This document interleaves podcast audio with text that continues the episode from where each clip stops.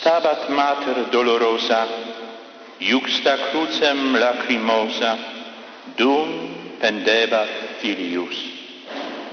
Stoi matka obolała, łzy pod krzyżem przepłakała, gdy na krzyżu syn jej mrze. Ten tekst powstał bardzo, bardzo dawno temu. Przypisuje się, że w XIII wieku napisał je franciszkanin, ojciec Giacopone da Todi. I ten tekst został bardzo często, stał się tematem przepięknych pieśni, które układali najwspanialsi kompozytorzy wszystkich wieków. Napisane zostały utwory na podstawie tego tekstu przez Schuberta, Rossiniego, Verdiego, naszego Szymanowskiego czy Pendereckiego. Stała matka pod krzyżem. Przecież na pewno może ktoś podpowiadał jej, że nie musi tam iść. To jest za ciężko dla. Przeżycie tak bardzo dramatyczne. Nie musi tam iść. To ta jej obecność w tym miejscu nie pomoże synowi nic. To, co mogła uczynić, to wychowała go do tej pory, przygotowała go na życie bycie dorosłym. Teraz już jest dorosły, wybiera sam. To jest jego droga, konsekwencje jego wyborów. Po cóż ma iść tam pod krzyż? Nie pomoże mu, nie ulży w cierpieniu. Kto inny decyduje o tym, aby skazać go na śmierć. Kto inny decyduje o tym, żeby go ubiczować. Kto inny decyduje go o tym, żeby go popychać na drodze krzyżowej. Kto inny decyduje, aby go przybić do krzyża i umieścić między niebem a ziemią. Ona nie uczyni nic w tej sprawie. Nie pomoże. W tym momencie, kochani, trzeba by było poprosić o komentarz do takiego niby logicznego myślenia matkę. Matkę, która cierpiała, płakała, nie przespała nocy przy chorym dziecku. Trzeba by było zapytać w tym miejscu matkę, która może po kolejnym poronieniu spodziewała się dziecka z drżeniem, odliczając każdy dzień. Trzeba by było zapytać matkę, która zrezygnowała z swoich może ambicji zdobywania takiego czy innego zawodu, takiej czy innej pozycji, żeby wychować dobrze swoje dzieci. W tym momencie trzeba było zapytać matkę, która uklęknęła przy swoim dziecku, które Pan Bóg odebrał jej wcześniej niż jej swoje życie. Miłość, która wyraża się w tym momencie, jest miłością, która jest najpiękniejszą, która jest najczystszą, która jest najprawdziwszą. Nie tą z plakatów, nie tą z, z hollywoodzkich filmów, nie tą krzykliwą, nie tą na pięć minut, nie tą fałszywą, nie tą zdradziecką. Miłość Matki pod krzyżem wyraża się, ponieważ cierpi współ z Nim. To jest jej ciało. Tak Bóg uczynił niesamowitą tajemnicę, że przyszedł na ten świat i stał się człowiekiem, przyjmując nasze ciało z kobiety, matki, człowiekiem. Przyjął ciało i teraz ona cierpi współ z nim. Jego rany, jego krew, jego ból odczuwa najbardziej. Proszę zauważyć, że święty Łukasz, który opisuje scenę spod krzyża, kiedy pisze o tych, którzy obserwowali Jezusa na krzyżu, używa dwóch różnych czasowników na określenie spojrzenia, patrzenia. Kiedy to, co żeśmy sobie powiedzieli w zeszłym tygodniu, kiedy opisuje tych, którzy wyśmiewali Jezusa na krzyżu, którzy mu urągali, używa słowa takiego, które można by było po polsku przetłumaczyć gapili się. Czyli patrzeć kpiąc z kogoś, nie rozumiejąc nic. Natomiast kiedy święty Łukasz w Ewangelii używa czasownika opisując Matkę Najświętszą, Maryję, patrzącą na, na Jezusa, czy ucznia umiłowanego Jana, czy kobiety, które są razem z, Ma z Maryją, to wtedy używa słowa patrzyli, w tym sensie patrząc, ucząc się. To spojrzenie jest wychowawcze. To spojrzenie na, na Jezusa na krzyżu jest zrozumieniem wielkiej tajemnicy. Tak. Ona patrzy na krzyż i widzi ten napis, o którym także mówiliśmy sobie w ostatniej naszej spotkaniu. Widzi napis Jezus Nazareńczyk, król żydowski. Pamiętacie? Mówiliśmy sobie ostatnio, że kpiono właśnie z tego napisu. Maryja patrząc na ten napis przypomina sobie scenę bardzo, bardzo dawno, u początku tej drogi. 33 lata wcześniej, kiedy stanął przed nią Archanioł Gabriel i mówi do niej, nadasz jemu imię Jezus. Tak, to nie jest kpina.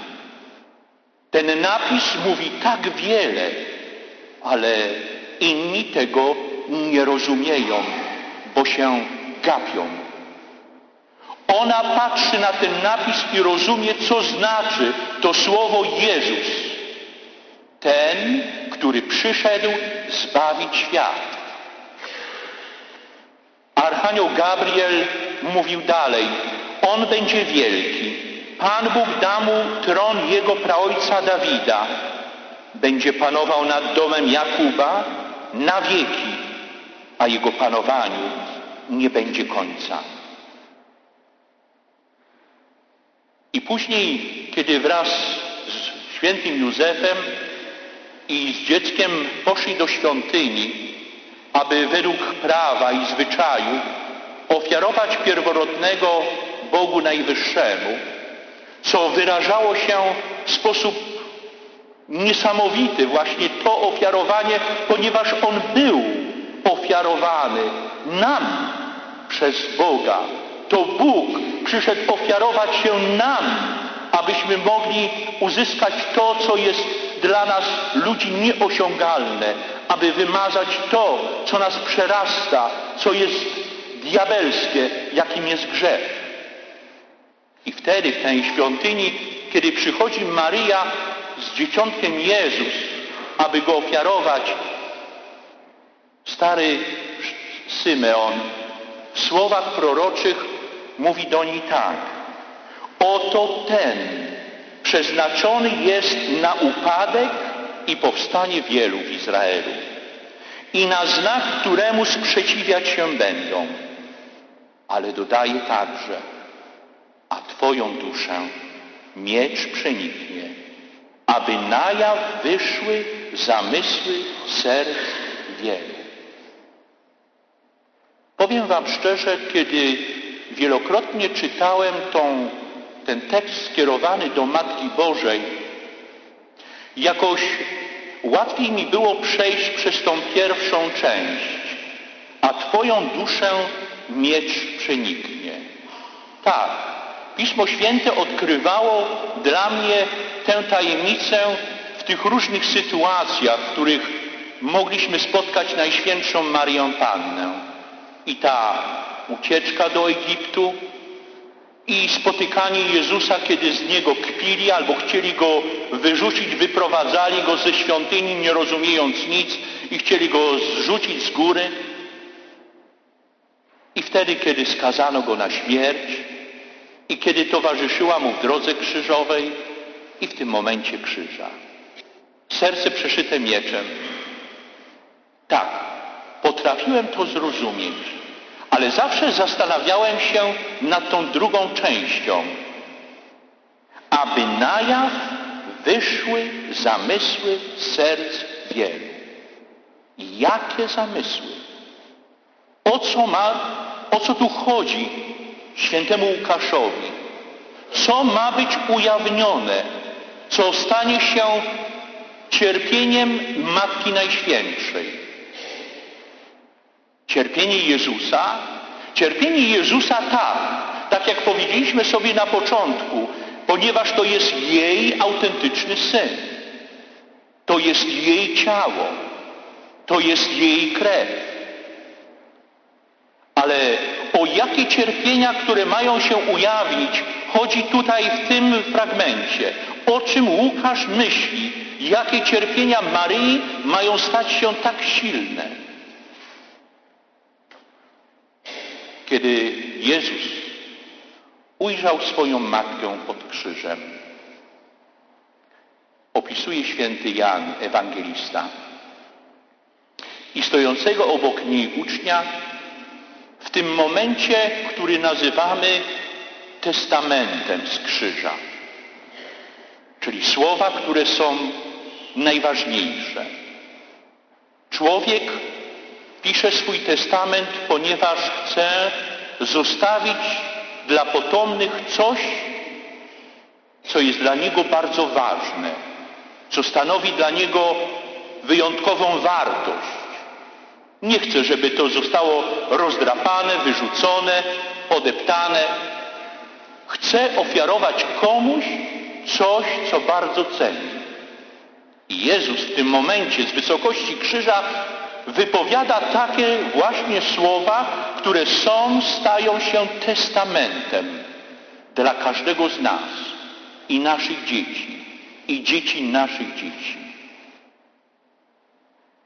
Kiedy Jezus widział matkę i stojącego obok niej ucznia, rzekł do matki, niewiasto, oto syn Twój. A następnie rzekł do ucznia, Oto matka Twoja i od tej godziny uczeń wziął ją do siebie. W pierwszym momencie, kiedy słyszymy te słowa, choć bardzo piękne, i zawsze, nie wiem jak wy, ale do tych słów wracam z wielkim takim swoim szczególnym uwrażliwieniem na, na dobroć, na miłość, która zostaje ujawniona w tej chwili śmierci Jezusa. Ale mogą nas szokować słowa, które zostały skierowane przez Jezusa do matki. Nie zwraca, zauważcie, nie zwraca się Jezus, matko, oto syn Twój, tylko mówi do niej niewiasto. Dlaczego niewiasto? Czyżby w tym momencie nie była już jego matką? Ale przecież za chwilę powie do, do świętego Jana, oto matka Twoja. W Ewangelii świętego Jana, zauważcie, Maryja występuje tylko dwa razy. Na początku Ewangelii i jakby na samym końcu. I spotkania Jezusa, czy ukazanie przez świętego Jana, ewangelistę, właśnie Jezusa i Maryi, określone są tym samym zwrotem. Spotykamy na początku Ewangelii Jezusa z Maryją w Kanie Galilejskiej, u początku działalności Jezusa.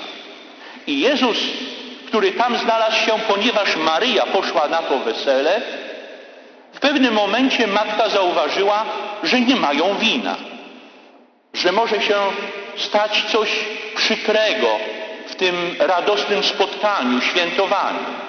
Coś, co może właśnie zakłócić tę, tę radość tego ślubowania tych dwoje młodych ludzi. I zwraca się wtedy do, do Jezusa, nie mają wina. I wtedy święty Jan używa tego samego zwrotu z ust Jezusa. Czyż to moja lub Twoja sprawa, niewiasto? Dlaczego Jezus w tych momentach zwraca się do matki tymi słowami? Pamiętamy, kiedy historia człowieka zaczyna się, kiedy otwieramy pierwszą księgę, którą nazywamy Księgą Rodzaju i dochodzimy do tego dramatu, w którym rozgrywa się sytuacja stworzenia człowieka, to wtedy, kiedy pamiętamy, Pan Bóg stwarza róż, różne rzeczy, istoty, e, planety, ciała, stwarza człowieka, pierwszego człowieka, mężczyznę, Adama. I, I później przeprowadza tego człowieka, aby poddać mu to wszystko stworzenie ku niemu. On jest najważniejszy, on jest, on jest naj, najpiękniejszym stworzeniem Pana Boga na obraz i podobieństwo.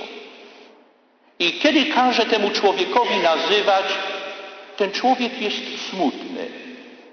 I w pewnym momencie Pan Bóg stwarza niewiastę, kobietę.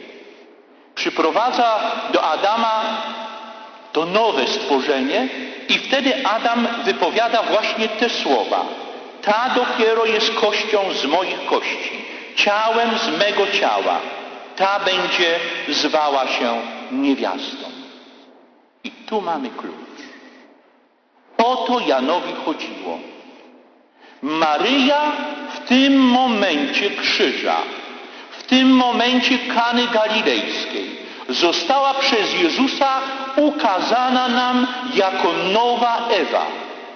To, co się stało złego, to, co stało się dla nas ciężarem, to, co stało się dla nas grzechem w wymiarze i, i strachu, i odwrócenia się od Boga, i pójście za pokusą bycia wielkim i Panem, to, co się stało przekleństwem w życiu Ewy w momencie przyjścia Maryi.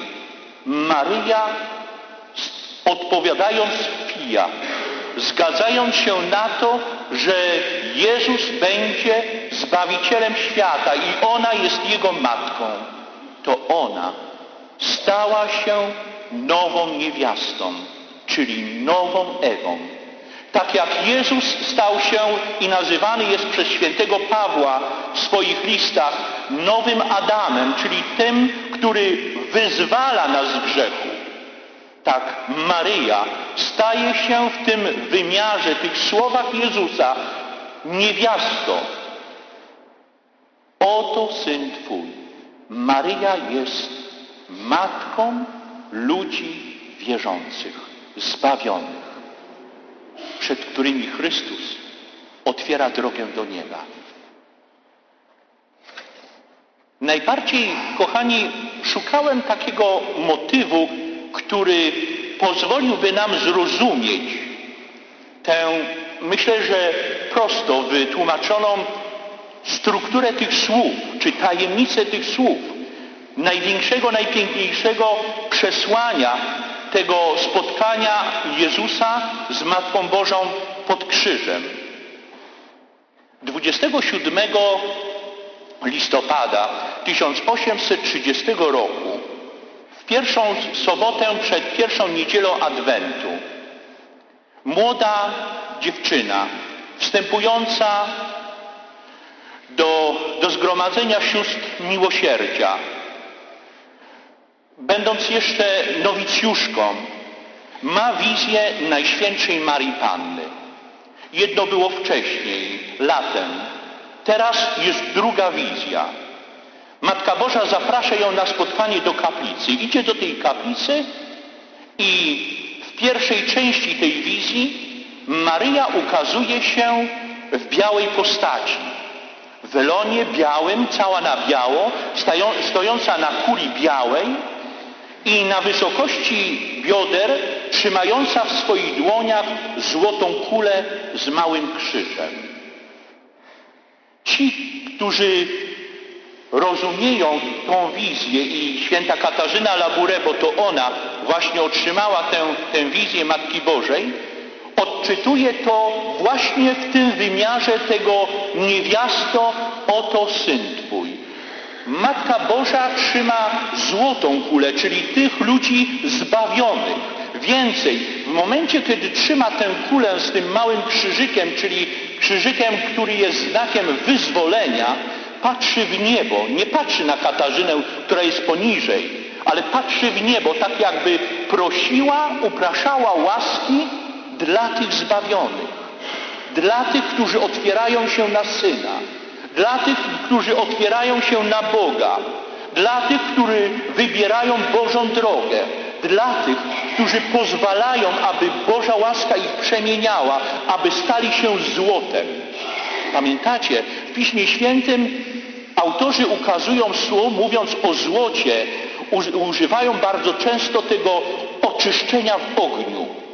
Tak, złoto jest symbolem czyli czegoś najpiękniejszego, ale to złoto trzeba oczyścić, żeby było piękne, drogocenne, wartościowe. I właśnie Maryja trzymająca złoty glob z małym krzyżykiem wizji świętej Katarzyny Labouré jest to Maryja, która modli się za tych, którzy otwierają serce dla Boga, nachodzą na Bożą drogę. Zauważcie, że przepiękna postać papieża Jana Pawła II, która dla każdego z nas jest nie tylko poczuciem dumy, bo to przecież Polak, tak jak każdy z nas, ale poczuciem dumy jako człowieka wierzącego. I nie wiem, czy wy, ale bardzo często czytając jego listy, czy oglądając przygotowane prezentacje, czy słuchając jego słów nagranych w czasie pielgrzymek, czy czytając książki o tej postaci, zawsze stawiam sobie pytanie, jak to się stało, że ten człowiek stał się tak silny? Jak się to stało, że ten człowiek stał się taki mocny duchem? Jak się to stało, że ten człowiek potrafił pokonywać takie trudności, które stawały przed nim, a szczególnie w momencie, kiedy był papieżem, odpowiedzialnym za cały Kościół. Ile razy nawet to najbliższe otoczenie mu mówiło mu nie jedź tam, nie pisz tego, nie mów tego. Dla poprawności politycznej, żeby kogoś nie obrazić, żeby komuś nie zrobić krzywdy, w tym wymiarze politycznym. Nie czuł się urażony, żeby nie zamknięto granic politycznych dla Kościoła. Papież miał odwagę, aby jechać, aby mówić, aby przekraczać granice. Tak jak powiedział na początku swojego pontyfikatu. Otwórzcie drzwi, otwórzcie granice swoich państw, społeczności dla Chrystusa. Kiedy zastanawiamy się o sile tego człowieka, tego chrześcijanina, człowieka Bożego, popatrzcie, duchowość jego, wzrost duchowy, nabieranie tego, tej, tej potęgi duchowej jest jakby zapisana, wpisana w postać Najświętszej Marii Panny. Od swoich najmłodszych lat Jeździ z rodzicami, a później po szybkiej stracie swojej mamy jeździ z ojcem do Kalwarii Zebrzydowskiej. Na dróżki, gdzie modli się do, do sanktuarium Matki Bożej. Od swoich najmłodszych lat nosisz kaplecz, któremu przy, przypisuje swoje pierwsze cudowne e, wyzwolenie czy uratowanie swojego życia w czasie okupacji z Niemcami, kiedy zostaje śmiertelnie potrącony w Krakowie czy później, kiedy na placu świętego Piotra, jak powiedział, ktoś inny prowadził drogę kuli, która miała go zabić. Tak, Jan Paweł II, mówią niektórzy z takim, przepraszam za słowo, sarkazmem, z taką małą kpiną, był bardzo maryjny, jakby to mu ubliżało. Nie, ta jego maryjność otwierała go na drugiego człowieka. To, co Matka Najświętsza właśnie została jakby ubogacona tam właśnie pod krzyżem. To jest Syn Twój, niewiasto. Świętym Janie, żeśmy zostali ofiarowani Maryi. Każdy z nas, kochani. Każdy z nas tych wszystkich naszych pytaniach, trudnościach, z tym naszym walczeniem o to, żeby być normalnym, żeby umieć kochać, żeby nie zdradzić miłości Bożej w swoim życiu, żeby nie zdradzić tego, co, zostaliśmy ofiaro, co nam zostało ofiarowane w momencie Chrztu Świętego, kiedy ktoś z miłości nas Bogu ofiarował i prosił o chrzest, o łaskę wyzwolenia. Ja Ciebie chrzczę w imię Ojca i Syna i Ducha Świętego. Jan Paweł II, kiedy rozpoczynał swoją tą drogę szczególnego poświęcenia, rozczytuje się w traktacie francuskiego mistyka świętego Ludwika Marii Grignon de Morfort który napisał przepiękny traktat o prawdziwej pobożności maryjnej. I w tym momencie, kiedy czyta ten traktat, nie tylko żeby być mądrzejszy na temat Maryi, ale żeby ją bardziej kochać, żeby rozumieć tę miłość Matki Bożej do Niego, przyjmuje te właśnie słowa, które stały się wyryte w jego sercu na zawsze, do końca, które powtarzał tyle, tylko tyle razy, który zapisał w swoim testamencie. Totus tuus, ego sum, et omnia mea tua sum. Jestem cały Twój i wszystko, co posiadam, należy do Ciebie. Daj mi swoje serce, Maryjo. W 150. rocznicę objawień w La Salette Jan Paweł II napisał takie słowa. Maryja, Matka pełna miłości, pokazała w tym miejscu swój smutek w obliczu moralnego zła ludzkości. Poprzez swoje łzy pomaga nam ona lepiej zrozumieć bolesny ciężar grzechu, odrzucenia Boga, ale także płomienną wierność jaką jej syn zachowuje względem jej dzieci. On, odkupiciel, którego miłość jest zraniona przez zapomnienie i odmowę. Współczuje swoim dzieciom w ich doświadczeniach i cierpi, widząc ich oddalających się od Kościoła Chrystusowego. Nie zrozumiemy, przepaścimy wszystko, co zostało powiedziane w tej długiej, prawie 28 lat drodze naszej katechezy wychowywania przez błogosławionego papieża Jana Pawła II. Jeżeli nie otworzymy naszych serc na te słowa wypowiedziane pod krzyżem, niewiasto, oto Syn Twój.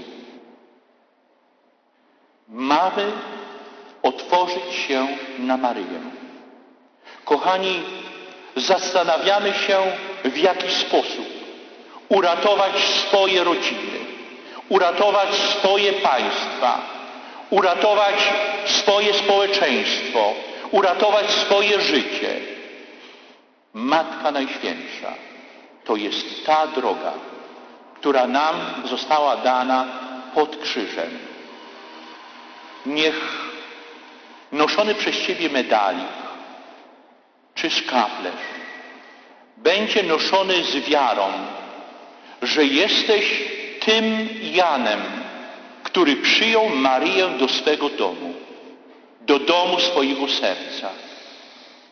Czujemy się umocnieni tymi słowami z krzyża, kiedy Jezus mówi niewiasto, oto Syn Twój.